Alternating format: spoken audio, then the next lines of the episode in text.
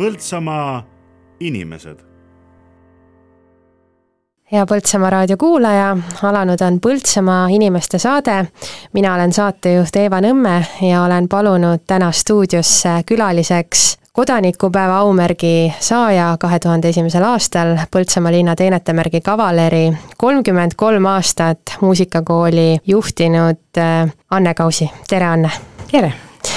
Ütlen kuulajatele ka seda, et me siin enne salvestust leppisime kokku, et me tänases saates sinatame, aga Anne on ka minu muusikakooli käimise ajal olnud direktor, nii et äh, väga oli isu teietada.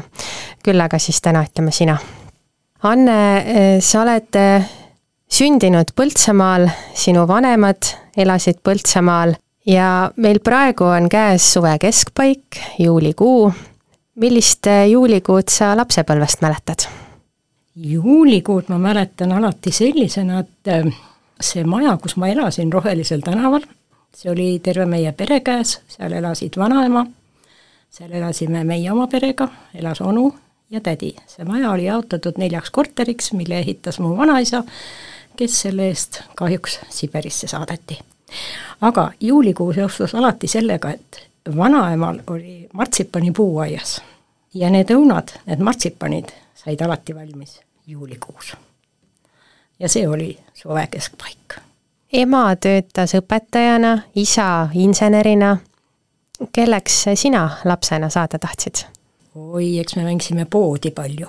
see oli alati väga tore ettevõtmine, igasugust asja leidis aiast, mida müüa ja kuna minul oli minust kaks aastat noorem vend ja sellel tänaval oli palju lapsi, siis sellised vaba looduse mängud olid väga tihedad. Aga eks need tahtmised ikka muutusid ka.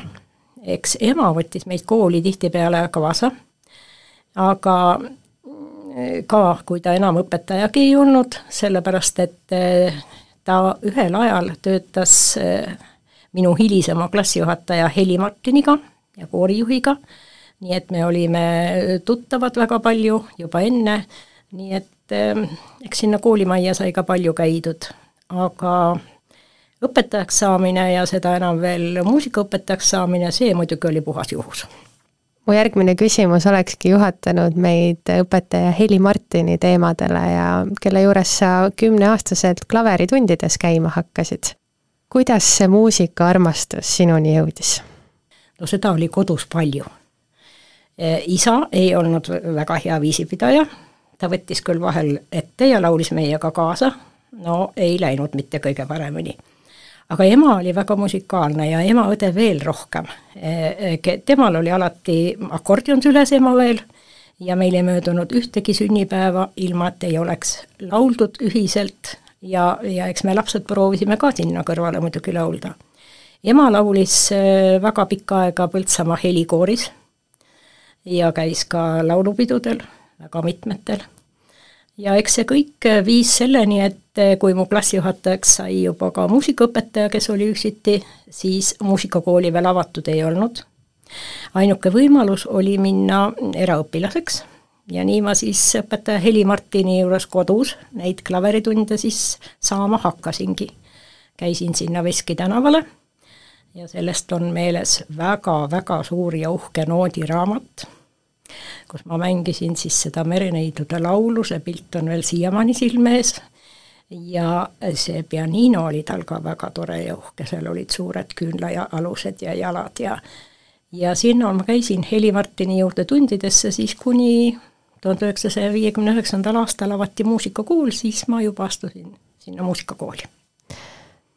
no pilli õppimine on üks kannatlikkust nõudev ülesanne igale noorele ja lapsele ja ilmselt paljudki meie praegused kuulajad tunnevad ennast ära, eh, kes on pilli õppinud, et eh, milline õpilane sina ise olid? eks minul oli natuke keeruline, sest meil ei olnud kodus klaverit. ja see harjutamise teema oli väga raske ja keeruline, siis tuli leida alati mingi koht, kus harjutamas käia kuna ema töötas hiljem eh, autobaasis, oli raamatupidamises tööl, ja õpetaja kohast eh, oli ta nii-öelda sunnitud loobuma sest viiekümnendate aastate algul anti välja käskkiri, kus kõik need õpetajad kaotasid töökoha, kelle vanemad olid küüditatud Siberisse ja seda minu ema-isa oli. E, ja seetõttu ta läks hoopis teisele tööle. aga autobaasil oli nii-öelda klubi või punanurk, kuidas seda nimetati, seal oli klaver. Ja siis, kui aega oli ja sinna sai käia harjutamas, siis ma sinna käisin. Vahel sai ka muusikakoolis harjutada, aga selle muusikakooliga oli üldse selline keeruline lugu, et eh, muusikakool sai küll viiekümne üheksandal aastal avatud praeguses raamatukogu hoones, mis siis oli Põltsamaa kultuuritempliks, aga muusikakoolil oli algul ju kasutada ainult kaks ruumi seal Lossi tänava teisel korrusel. Ja rohkem ei olnud.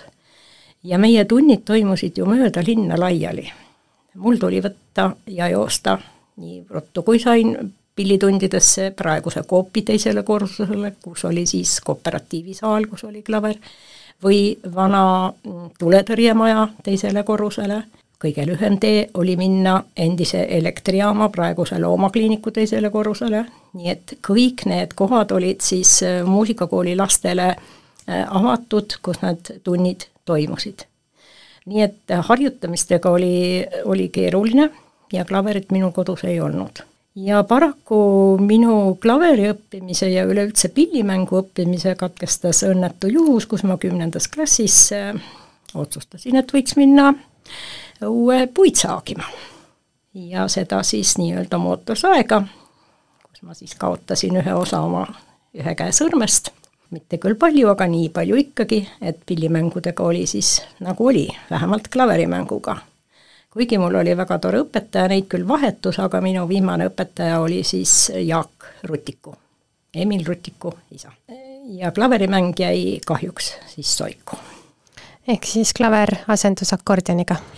klaver ei asendunud akordioniga, ma lihtsalt ise, isa ostis mulle akordioni eh, Moskvast, ma tean, et ta tõi selle, kuuekümne bassilise akordioni eh,, Weltmeister, mis oli ju toona üks parimaid akordione üldse. ta oli hõbehalli värvi, seda ma ka mäletan hästi, ja see kuuskümmend bassi oli siis, isa ütles, et nüüd mängid akordionit lihtsalt edasi ja ma mängisin päris hea meelega, mulle meeldis seda mängida, akordion ei olnud mulle raske äh, ümber õppida ja niimoodi ma mängisin ja mu oma tädi, kes siis seda pilli ka väga palju kasutas, oli mulle heaks innustajaks ja eeskujuks aga keskkooli lõpp oli juba lähedal ja ma lõpetasingi ära, ega ma kusagile ju siis akordionit õppima minna enam, ma olin liiga vana selleks, et minna. aga keskkool ei lõppenud mitte Põltsamaal, vaid keskkool lõppes Jõgeval? jah, keskkool lõppes Jõgeval, sest emale pakuti töökohta. Jõgevale, vanasti oli see tootmisvalitsus, eks otsapidi võiks seda hiljem nimetada nagu maavalitsusteks. Ta oli seal ökonomistina töötas ja sinna anti siis ka korter, nii et me mõlemad vennaga läksime Jõgeva keskkooli, meie elamine Põltsamaal jäi küll kõik alles, isa oli siin, nädalalõppudel me käisime siia kogu aeg, nii et eh, kümnendasse klassi ma läksin Jõgevale ja kui keskkool sai Jõgeval siis ühele poole, siis kuigi meil enne oli juttu sellest, et kelleks tahaks lapsena saada, siis ütlen ma õigesti, kui ma ütlen, et esimene amet oli Vägeva koolis laulmise ja kehalise kasvatuse õpetajana? jaa, oli ja ma isegi ei mäleta, kuidas ma sinna nüüd täpselt sattusin, aga ma arvan, et otsiti lihtsalt õpetajaid, kes äh, oli siis mingis koolis puudu ja ma tean, et haridusosakonnast see ettepanek tehti, kuna ma tegelikult proovisin saada ka Tartu Ülikooli ja tahtsin minna õppima inglise keele filoloogiat. Aga see konkurss oli sinna meeletu ja kohutav. Ja me ei olnud Põltsamaal ega ka Jõgeval mitte mingi inglise keele erikallakuga kool, sisse saidki praktiliselt need eh, noored, kes siis olid sellistes koolides õppinud, nii et eh, loomulikult ma jäin konkursiga välja. siis tuli töökoht kähku leida ja nii mulle siis seda vägevat äh, pakutigi. Ja seal oli siis äh, üks osa koormusest oli mm, muusikaõpetaja koormus, teine osa oli kehaline kasvatus. see kehaline kasvatus mind ka ei heidutanud, kuna ma siin koolis tegin ka sporti ja põhiliselt olin ma siis äh, jooksja. Ja, ja käisin palju võistlustel ja ja sain hakkama seal. Ja pealegi noor inimene on ju ilmatu julge ka, ei see karda midagi, nii et kaks aastat olin ma seal. kuni ühel hetkel koputas minu naaber, kes oli Voldemar Lemmik Põltsamaal, kes ehitas meie maja vastu endale maja minu uksele augusti lõpus ja ütles, et ja nüüd on niisugune lugu, et ma tean küll, et sa mängid akordionit ja nüüd minul ei ole akordioniõpetajat siin muusikakoolis. ootamatult. ja nüüd sa tuled mulle. No ehmatasin, mis ma ehmatasin, ta ütles, ma aitan, me kõik aitame, aga ilma õpetajata me seda akordioniõpetust siin edasi viia ei saa, viis päeva on aega ja nii läkski. enne kui me jõuame nüüd veel akordioniõpetaja ameti juurde, siis äh, see, et asuda tööle õpetajana, võis seal olla ema eeskuju või eh, mis, mis oli see, mida, mida ema oma eeskujuga kaasa on andnud? Kindlasti oli ema eeskuju, kindlasti oli. ja pealegi ema ei olnud ju mitte ainult algklasside õpetaja, ta oli peale selle ka mm, Põltsamaa keskkoolis, nad tegid väga palju etendusi. ta oli, andis ka nii-öelda võimlemisrühmade juhendaja oli. meil on väga palju fotosid sellest ajast kui keskkoolis lavastati erinevaid näidendeid, kus olid tantsud. Ja need ei olnud mitte väga väikesed lapsed, vaid juba nii-öelda keskastme lapsed, kellega kõike seda tehti. nii et eks ma nägin neid ja, ja see kõik tundus ju väga tore olevat. nii et ähm, pedagoogi töö vastu ei olnud mul küll mitte midagi. mis oli see pool, mis võib-olla isa äh, õpetustest või iseloomust äh, arvad, et kaasa tuli? isa oli meil äh, karm aga mitte kuri, ta nõudis meil korda ja ma imetlen siiamaani isa imeilusat käekirja. ja mis veel oli temal, oli ta, ta oskas väga hästi saksa keelt rääkida.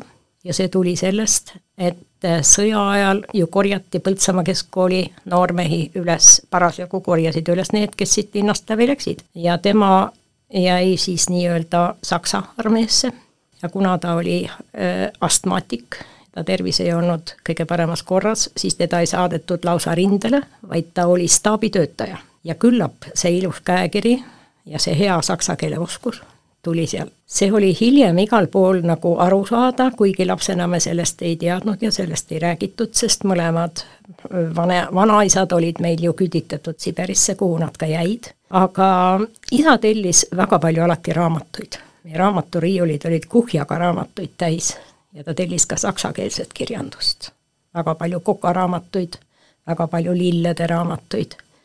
ja mida talle meeldis teha, ta oli kokk, ta oli suurepärane toiduvalmistaja. väga häid ja põnevaid toitusid ta tegi ja ta oli ka jahimees, nii et ka igasugused metsloomade lihad olid meie kodus alati väga hästi valmistatud. nii et lapsepõlve peatüki võiks siis äh, kokku võtta sõnadega, et, äh, et lapsepõlv oli hoitud. jaa, ja, ja ma arvan, et et need, et me käisime natuke aega nagu kahe kodu vahet, äh, see ei muutnud minu elus küll väga palju, Põltsamaa on ikkagi minu kodukoht ja minu kodulinn ja, ja nii, ja sageli ongi vaja natuke eemalt vaadata, et aru saada, kui hea siin tegelikult on. me kuulame siia vahele nüüd ühe muusikapala, mille sa ise oled välja valinud. meile laulab Jaak Joala ja lauluks ongi Mu kodu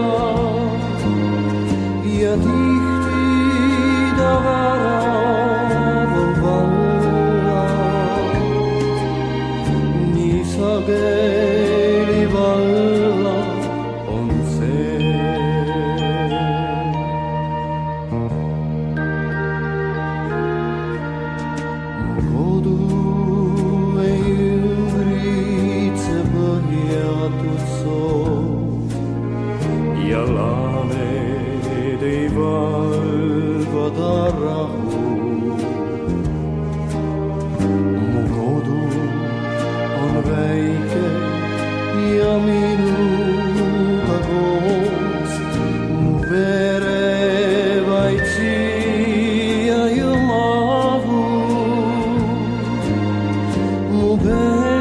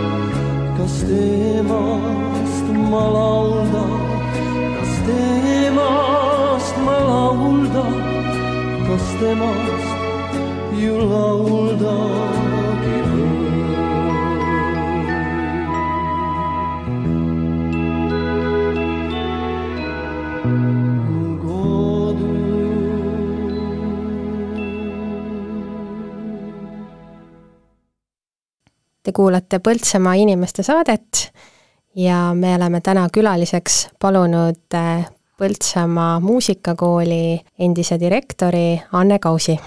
ja saate esimeses osas rääkisime me lapsepõlvest ja sellest, kuidas elu oli toona Põltsamaal ja oleme otsapidi jõudnud äh, Põltsamaa muusikakooli õpetajaametini ja selleks oli siis esialgu akordioniõpetaja töökoht.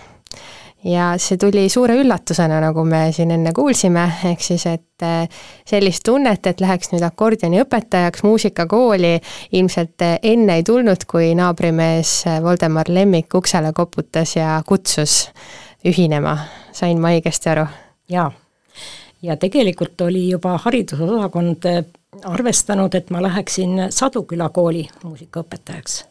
sinna oodati mind väga ja kui ma siis Voldemar Lemmikule ütlesin, et mis nüüd saab, siis et äh, Saduküla ootab mind, ta ütles, et see jääb minu mureks.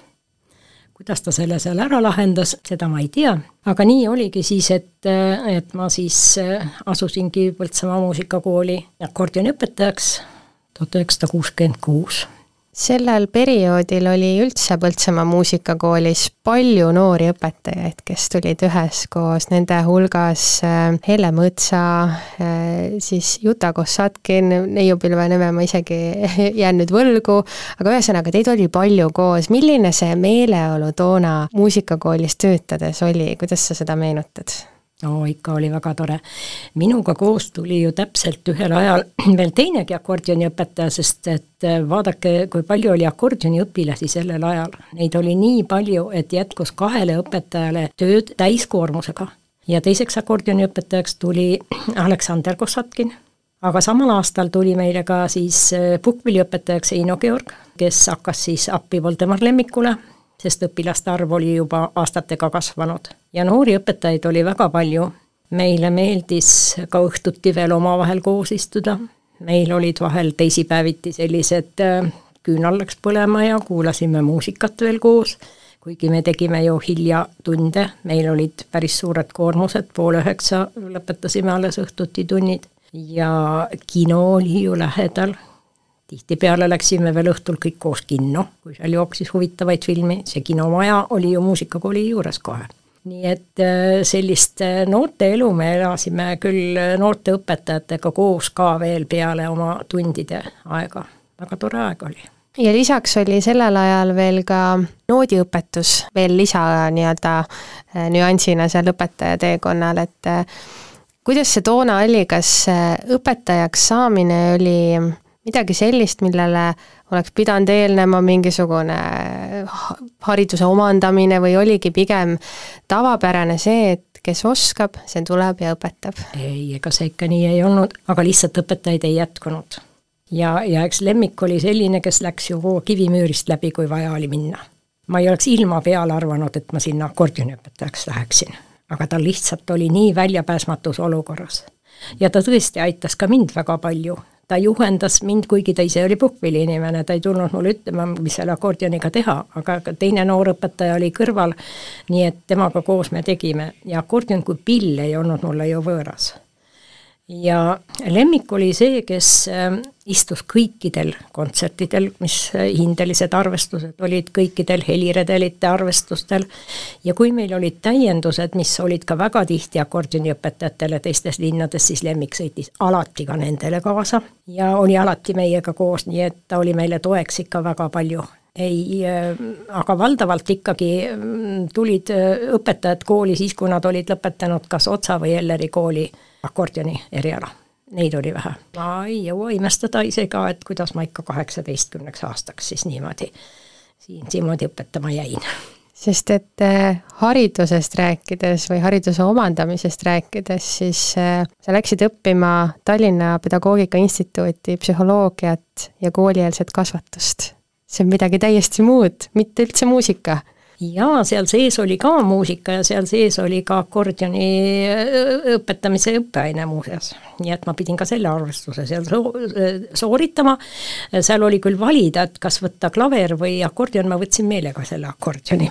aga see tekkis mul sellest, et kuna ma lõin oma pere ja mul olid väikesed lapsed ja neid oli vaja lasteaeda saada ja lasteaiakoha saamine oli üks keeruline asi ja aga pakuti mulle siis äh, praeguse Lille tänava, äh, Lille tänaval asunud lasteaia äh, siis muusikaõpetaja kohta ja siis ma sain oma lapse lasteaeda. ja siis ma mõtlesin, et kuna minu vigastatud käsi ei lase mul õppida ühtegi instrumenti, et äkki ma siis proovin minna hoopis õppima seda eriala ja sealt see mõte nagu liikuma hakkaski ja, ja ma lõpetasin tõesti, tollel ajal oli see Eduard Vilde nimeline Tallinna Pedagoogiline Instituut, kus ma siis selle kõrghariduse sain ja lisaks selle koolieelse pedagoogika õpetaja ametikutsele sain ma sealt ka siis psühholoogia õpetaja ametikutse, nii et ma oleks võinud töötada ka keskkooli astmes psühholoogia õpetajana juba käis läbi äh, perejutt, aga selleni me jõuame veel saate äh, järgmises osas. räägime nüüd veel sellest muusikast ja, ja muusikakooli elust. Läks mööda kümmekond aastat ja tuli võtta muusikakooli direktori amet.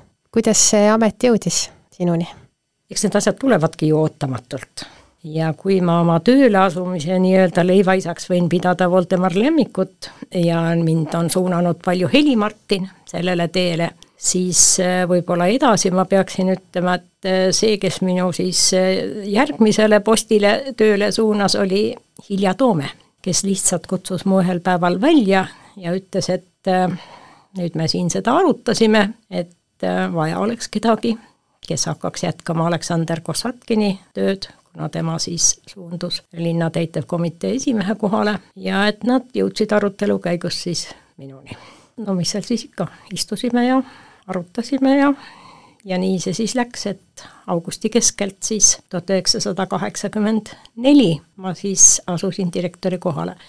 kohe ma ei lõpetanud ka akordioniõpetaja tööd sealt kõrvalt, sest mul oli veel õpilasi ja isegi mul oli korraga neli lõpetajat veel, nad viis, ma viisin need kõik siis veel lõpule ja hiljem ma siis enam akordionitunde muidugi kõrvale ei võtnud, sest see töö ikkagi, juhi töö oli väga mahukas. milline on direktori töö, millisena sa seda alguses mõtlesid ja kuidas sa nüüd tagantjärele targana oskad seda iseloomustada?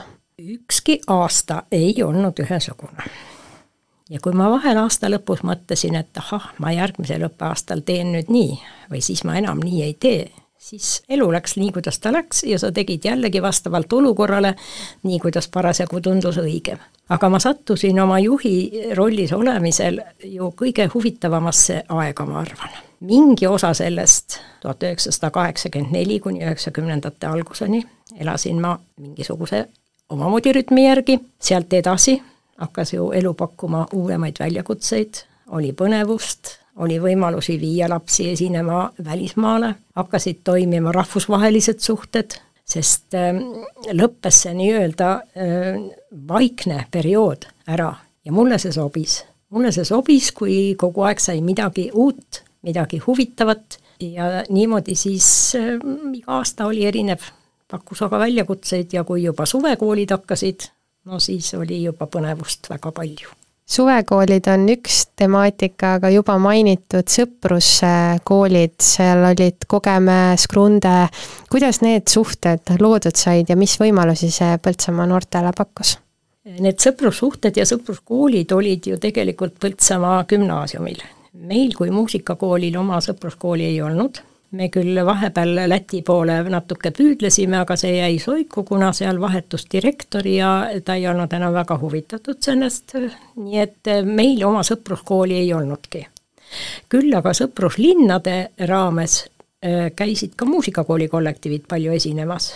Ja küll Skrundas ja ka Kogemäel ja, ja Rootsis ka Sollefteå kommuun oli eh, linnal, nii et, eh, et alati sai käia palju, aga muusikakoolil oma sõpruskooli ei olnud ometi üks osa veel sellest eh, direktori ametist oli ka kuulumine Eesti Muusikakoolide Liidu juhatusse. milliseid uksi see avas? no see oli küll üks väga hea kool, see oli üks väga hea kool selles mõttes, et ma kuulusin sinna juhatusse päris mitu koosseisu ma omasin alati eh, eelinfot väga paljude asjade kohta. Ja ma eh, sain sealt alati mm, mingisuguse pagasi, mida ma võib-olla seal mitte olles ei oleks ilmaski saanud. meil oli ju väga palju äh, arutelusid, meil oli väga palju koosolekuid Eesti Muusikateatri Akadeemiaga, Otsa ja Elleri kooliga, Eesti Muusikanõukoguga, nii et see avardas minu kui juhi silmaringi ja minu kui teadmisi, et äh, mis, mida kõike saaks teha, milleks kõik võiks valmis olla, hindamatu kool oli see. tal ei olnud kooli nime, aga see oli kool. see oli väga, väga tore aeg. mis olid seal kuuldud äh, nii-öelda köögipoole jutud, mis aitasid Põltsamaa muusikakooli arendada või, või edasi mõtestada? no eks me nägime ära erinevaid koole. Põltsamaa oli küll väikelinna kool, aga Põltsamaa oli suhteliselt suur kool siin piirkonnas. kõigist äh, ümber olevatest sama suurtest linnadest kõige suurem kool. aga me ei saanud kunagi ennast võrrelda äh, suure linnakoolidega, ei Tallinnaga, Tartuga, Pärnuga ja ma nägin seal ära nendel aruteludel ja kohtumistel ja et äh, me siiski elame kuigivõrd erinevat elu me ei ela päris ühesugust elu. tulenevalt sellest, et äh, esiteks äh, omavalitsusel ei ole nii palju jõudu ja jaksu, et äh, et pidada väga suurt kooli üleval, teiseks ei olnud ju ka nii palju lapsi siin, kui oli võib-olla võimalik võtta Tallinnas ja Tartus läbi suurte konkursside lapsi kooli. et ka, ka mõned negatiivsed kogemused olid tegelikult kogemused ja ega ei, ei saa öelda tagantjärgi, et kõik, mida me tegime, oligi õige või hästi või eks me ise ka läbi eksimiste õppisime tihtipeale. ja ajad olid ju rasked üheksakümnendate algul, finantsiliselt ka, oma, omavalitsused olid noored, vahendeid ei olnud, mulle on isegi üks omavalitsusjuht öelnud äh, niimoodi, et mis noote te seal küll õpetate, kas need on puhtast kullast või et te nii kallis õpe olete, aga see individuaalõpe ongi kallis õpe nii et, ähm, et oli keeruline aeg, aga oli huvitav aeg. kas nendel aegadel oli mõni hetk, kus tekkis südamesse tunne, et nüüd küll aitab? ei, ei, seda mul küll ei olnud. siis alles põnevaks läks. ei, need raskused ei kohutanud küll üldsegi mitte.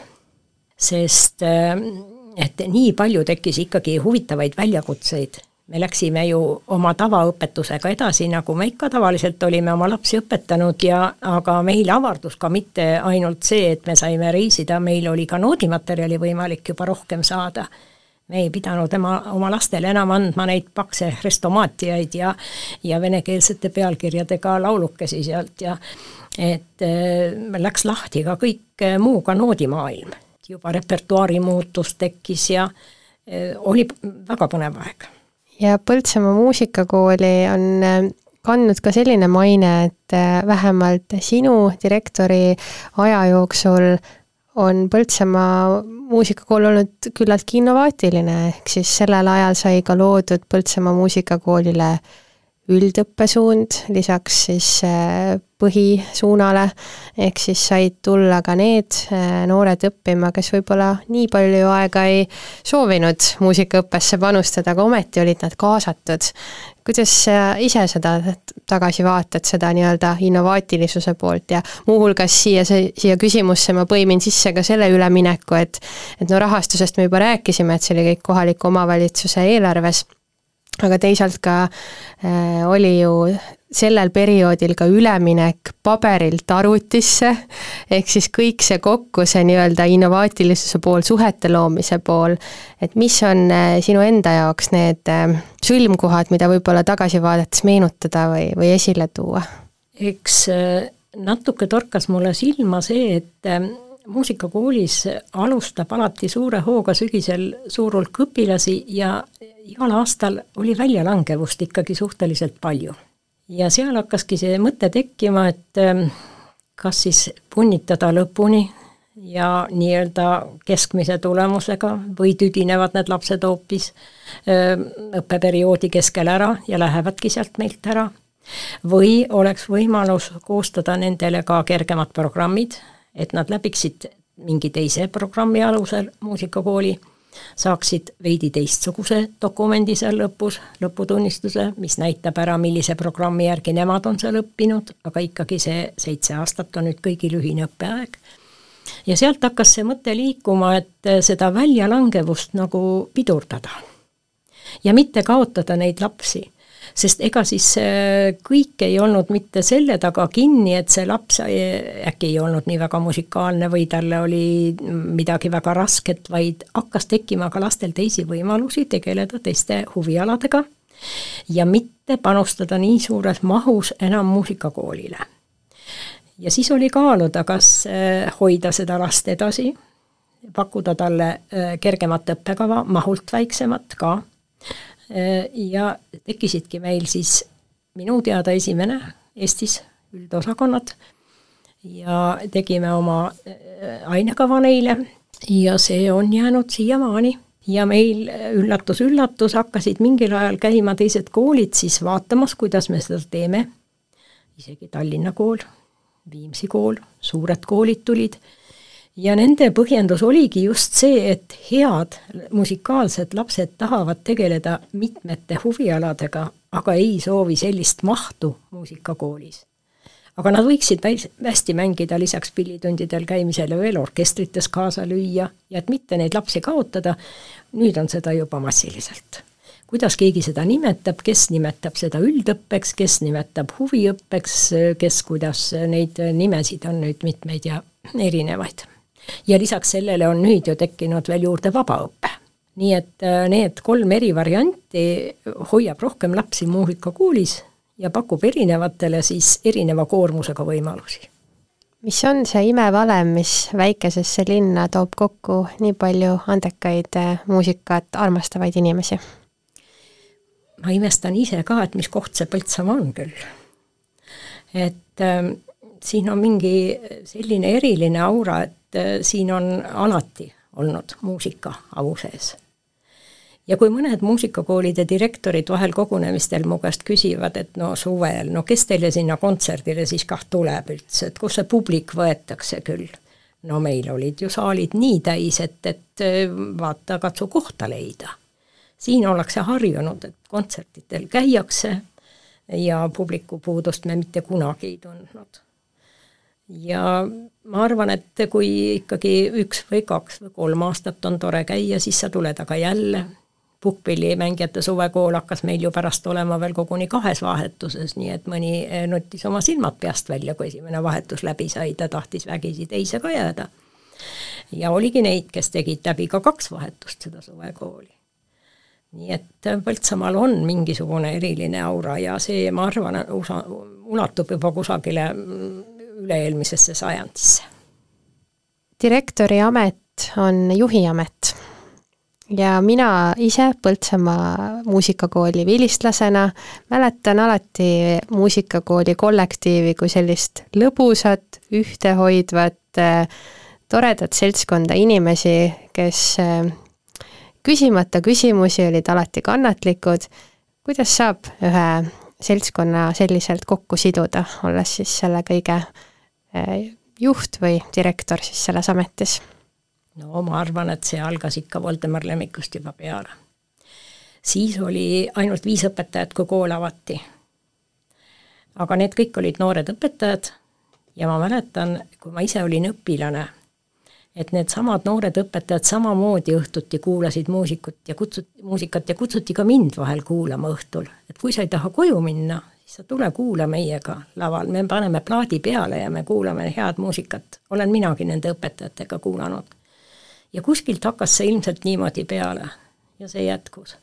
nüüd on õpetajaid juba üle kahekümne, aga see on olnud ajast aega nii ja Põltsamaal muusikakoolis on tõesti väga tore ja ühtehoidev kollektiiv.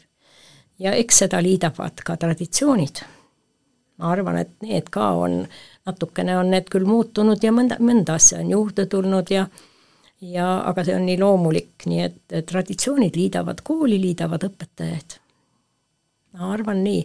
ja eks juhil on ka alati mingi roll selles asjas ja, ja vahel on võib-olla niimoodi, et ähm, pead sammukese tagasi astuma ja et siis jälle kaks edasi minna. Et tuleb osata kuulata ja, ja arvestada ja, ja õpetajad on ju nii targad, nad teavad kõike, neid tuleb usaldada Te kuulate Põltsamaa inimeste saadet ja meil on külas äh, Anne Kaus. me teeme väikese muusikapausi nüüd ja me kuulame ühte akordionipala. Äh, meile mängib äh, Dale Mattis laulu või pala Edelweiss. Miks just see pala sai valitud? ma ei valinud mitte väga, nii väga seda pala, vaid ma valisin sellepärast, et ähm, mulle tundub, et äh, akordioni vastu on huvi natukene raugenud ja mitte ainult siin, vaid üle terve Eesti on vähem akordioniõpilasi. et ähm, aga samal ajal on ju akordion väga huvitav pill. ja, ja ka seal teeb ju akordion läbi uuendusi ja see akordionist mängib äh, selles palas nüüd äh, digitaalsel akordionil ja kuulaja tunneb erinevaid tämbreid registreid vahetades eh, ja miks mitte, kes soovib, võib ka kaasa laulda, Edelweiss on ju tuntud laul meile, muusikalist, nii et äh, akordion on samamoodi muutumas, on valikbassidega akordionid, mida meil muusikakoolis ei ole küll, aga võiks mõelda selle peale, et akordion on väga huvitav pill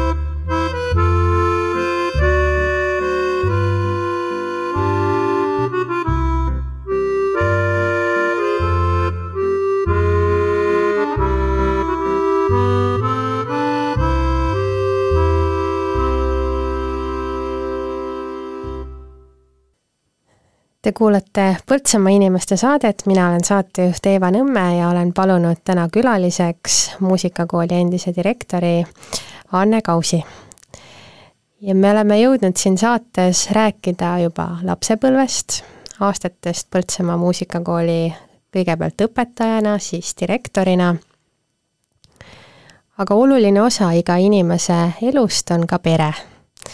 ja peresõna käis juba läbi ka ja Anne, sinu peres on eh, kokku neli last, Tarmo, Ave, Karin ja Kaja.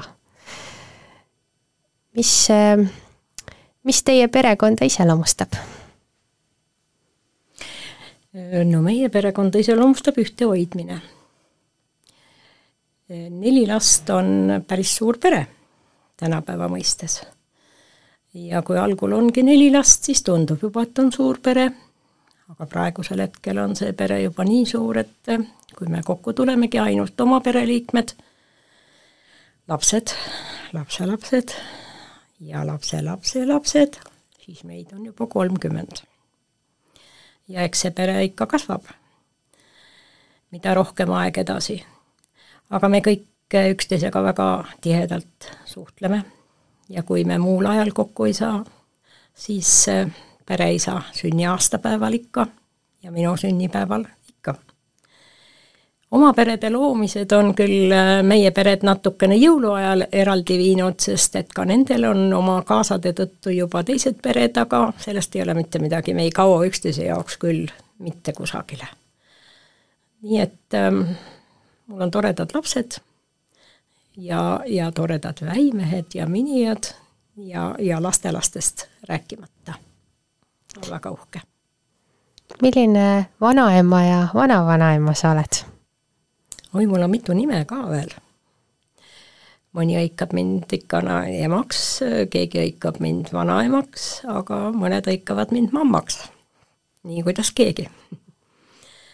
nii et, ähm, et eks ikka minu kodu on see, kuhu suvel rohkem tullakse ja ega mind ei unustata kunagi ka kaasa võtmast, kui kellelgi on väga tähtsaid sündmusi, on need siis äh, juba ülikoolide lõpetamised või põhi- või gümnaasiumi lõpud või või äh, mingisugused muud äh, tähtpäevad, siis olen mina alati nendega koos.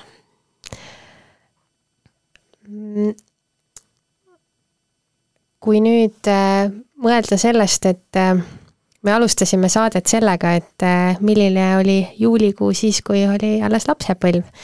siis äh, milline on see juulikuu nüüd, kui muusikakooli direktori amet sai kaks tuhat seitseteist aastal üle antud ja aega tuleb sisustada teisiti?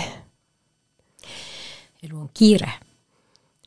esiteks loomulikult selles vanuses enam inimene ei jõua nii palju päevaga ära teha aga mul on nii palju ettevõtmisi, tulenevalt esiteks oma suurest perest, teiseks eh, on asju, mida ma ise tahan väga teha, eh, lisaks sellele, et suvel on aed, kus on alati midagi teha, aga tahaks ka kontsertidel käia, tahtsin ka laulupidu vaadata, mis kestis ju maailma mitmeid tunde, et et nii tore oli ja seal meenuski mulle mu enda esimene laulupeol käik, see oli tuhat üheksasada kuuskümmend kaks, kus ma olin esimesel laulupeol, kus sadas ka vihma, ära ei jäänud, aga me paljajalu paterdasime mööda Narva maanteed tulla linna ja, ja hiljem juba lapsed osalesid kõikidel laulupidudel ja tantsupidudel ja sellelgi korral oli neid mm, seal esinemas ja, ja osa võtmas ja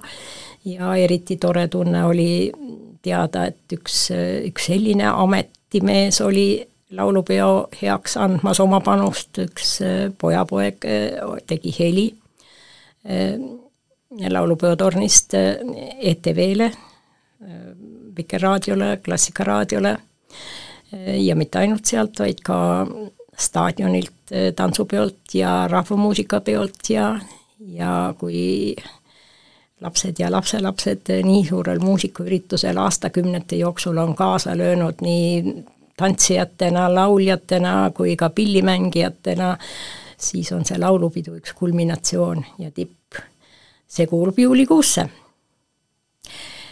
ja, ja väga palju on ju meil endal ka siin väga toredaid äh, kontserte ja peaasi, et jõuaks kõik läbi käia ja vaadata ja Põltsamaal on aktiivne kultuurielu, viimane kontserdielamus oli ju ka väga tore, see oli Uno Naissoo üheksakümne viienda sünniaastapäeva ja linna linna sünnipäeva tähistamiseks äh, Roosisaarel äh, meie oma kamarinaisansambli ja, ja Mared välja taga õpilaste kontsert, nii et käimist on küll ja küll ja, ja mitmesugust ja ja ma naudiks kõike, mis vähegi pakutakse.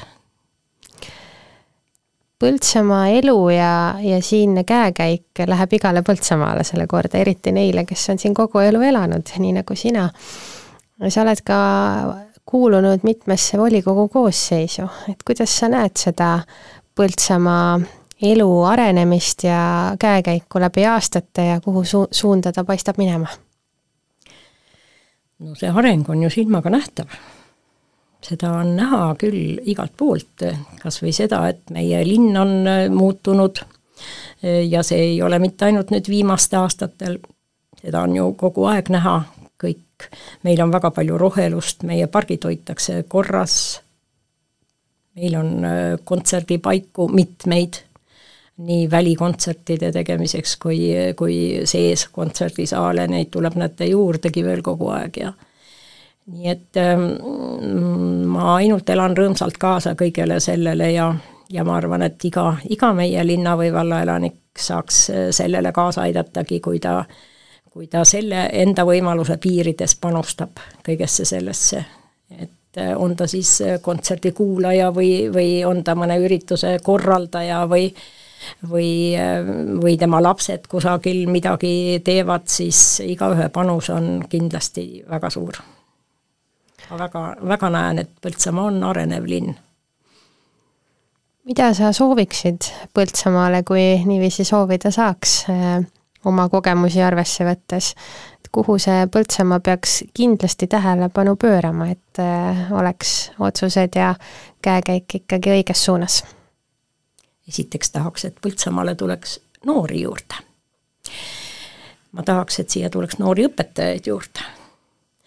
Neid on ju väga vaja siia, noori kultuuritegijaid, noori muusikakooli õpetajaid, muusikakool vajab ikka uusi õpetajaid, sest et vanad tublid head õpetajad tahavad ka ükskord oma koormusi vähendama pikkamööda hakata ja, ja kõikidele erialadele, on see siis õpetaja või midagi muud, oodatakse ju alati noori inimesi.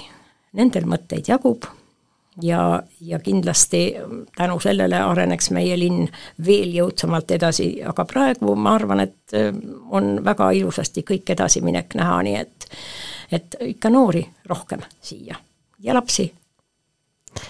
ja Põltsamaa muusikaelule Põltsamaa muusikaelule aktiivsust endiselt, ähm, selle üle ju kurta ei saa. nii et äh, ei ole igal linnal seda õnne, et neil on oma puhkpilliorkester või neil on omad koorid või ja paljudel väikelinnadel siis on oma kammerorkester, seda on ju hoopiski vähem veel. nii et äh, küll on siin oma, omi kultuuritegijaid ja muusikategijaid ju küll palju. ja no pole hullu, et helikoor enam ei toimi ja ja aeg on muutustad ja midagi teha ei ole. aga küll noored teevad ehk uue koori ja, ja tulevad uued lauljad ja ja ikka noortele me panustamegi kõige rohkem. mulle jäi meelde väga laulupeol kõnelenud äh, Hirvo Surva ja Aarne Saluveeri äh, laused, kus nad mõlemad toonitasid seda, et meie tulevik on noored, aga kõige rohkem nad laulupeo kontekstis tõid välja selle, et mudilaskoorid on kõige tähtsamad koorid. kõige tähtsamad. kui neid seal kooris on palju, siis võime me muretumad olla. ja neid oli palju, üheksa tuhat nelisada. sama siin, kui meil on mudilasi palju, küll meil siis ka noori on palju ma küsin nüüd äh, tänase saate viimase küsimuse ja see küsimus on lihtne ja keeruline samal ajal. mis teeb ühe inimese õnnelikuks? no mina pean ütlema seda, et mind teeb õnnelikuks see, kui minu lastel ja minu perel on kõik hästi. ja kui kõigil on kõik hästi ja tervised korras, siis see ongi õnnelik olemine. ega tegelikult kõik on ju enda teha. see, kas sul võib-olla ainult enda teha ei ole see, kas on päike või vihm, aga vihm on ka õnneasi, nii et kui seda tuleb, siis oleme me ka õnnelikud. aga ikka see oma pere ja, ja oma lähedaste kõik head asjad teevad inimese õnnelikuks. aitäh, Anne, et olid meiega täna siin Põltsamaa inimeste saates. ja saadet jääb lõpetama klarnetil üks kena muusikapala, mida mängib meile Marten Altrov. Te kuulasite Põltsamaa inimeste saadet, mina olen saatejuht Eeva Nõmme ja kuulake ikka meid sagedusel üheksakümmend koma kaheksa